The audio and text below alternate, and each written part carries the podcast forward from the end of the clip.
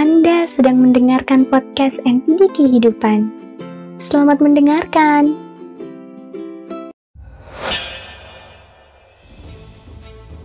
Nasib ada di tangan kita sendiri. Ada dua kerajaan yang sedang berperang.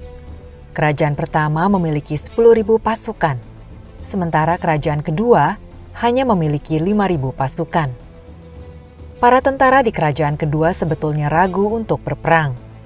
Mereka sadar bahwa mereka kalah jumlah. Namun pada hari yang ditentukan, akhirnya mereka semua berangkat ke medan perang. Di perjalanan, mereka singgah sejenak di sebuah kuil.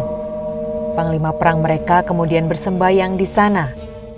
Selesai bersembayang, ia mengeluarkan satu keping koin dan kemudian berkata di hadapan para prajuritnya, "Saya telah berdoa dan memohon petunjuk. Saya akan melemparkan koin ini tiga kali. Jika tiga kali berturut-turut muncul sisi kepala, maka kita akan menang." Jika sekali saja sisi ekor muncul, maka kita akan kalah. Nasib kita ditentukan hari ini. Kemudian sang panglima melemparkan koinnya ke udara. Semua pasukan menahan nafas menunggu hasilnya.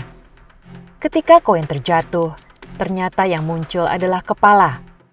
Para pasukan bersorak.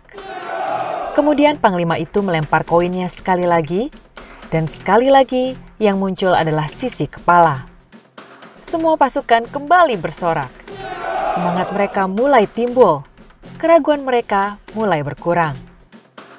Sang panglima melempar kembali koin untuk ketiga kalinya, dan yang muncul adalah sisi kepala. Para pasukan bersorak, mereka menjadi sangat bersemangat dan penuh dengan keyakinan bahwa mereka akan menang.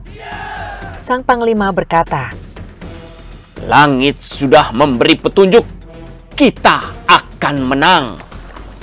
Lalu mereka berangkat ke medan pertempuran.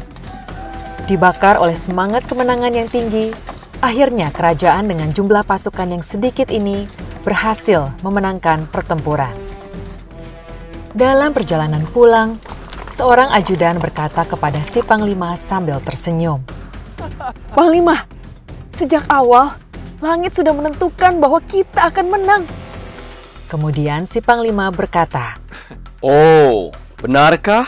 Sambil menunjukkan kepingan koin yang ia gunakan. Dan ternyata kedua sisi koin tersebut adalah kepala.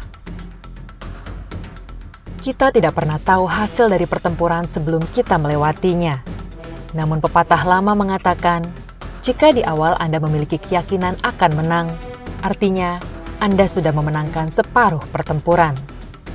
Karena itu, Jadilah manusia yang optimis. Niscaya keberhasilan akan lebih mudah Anda raih.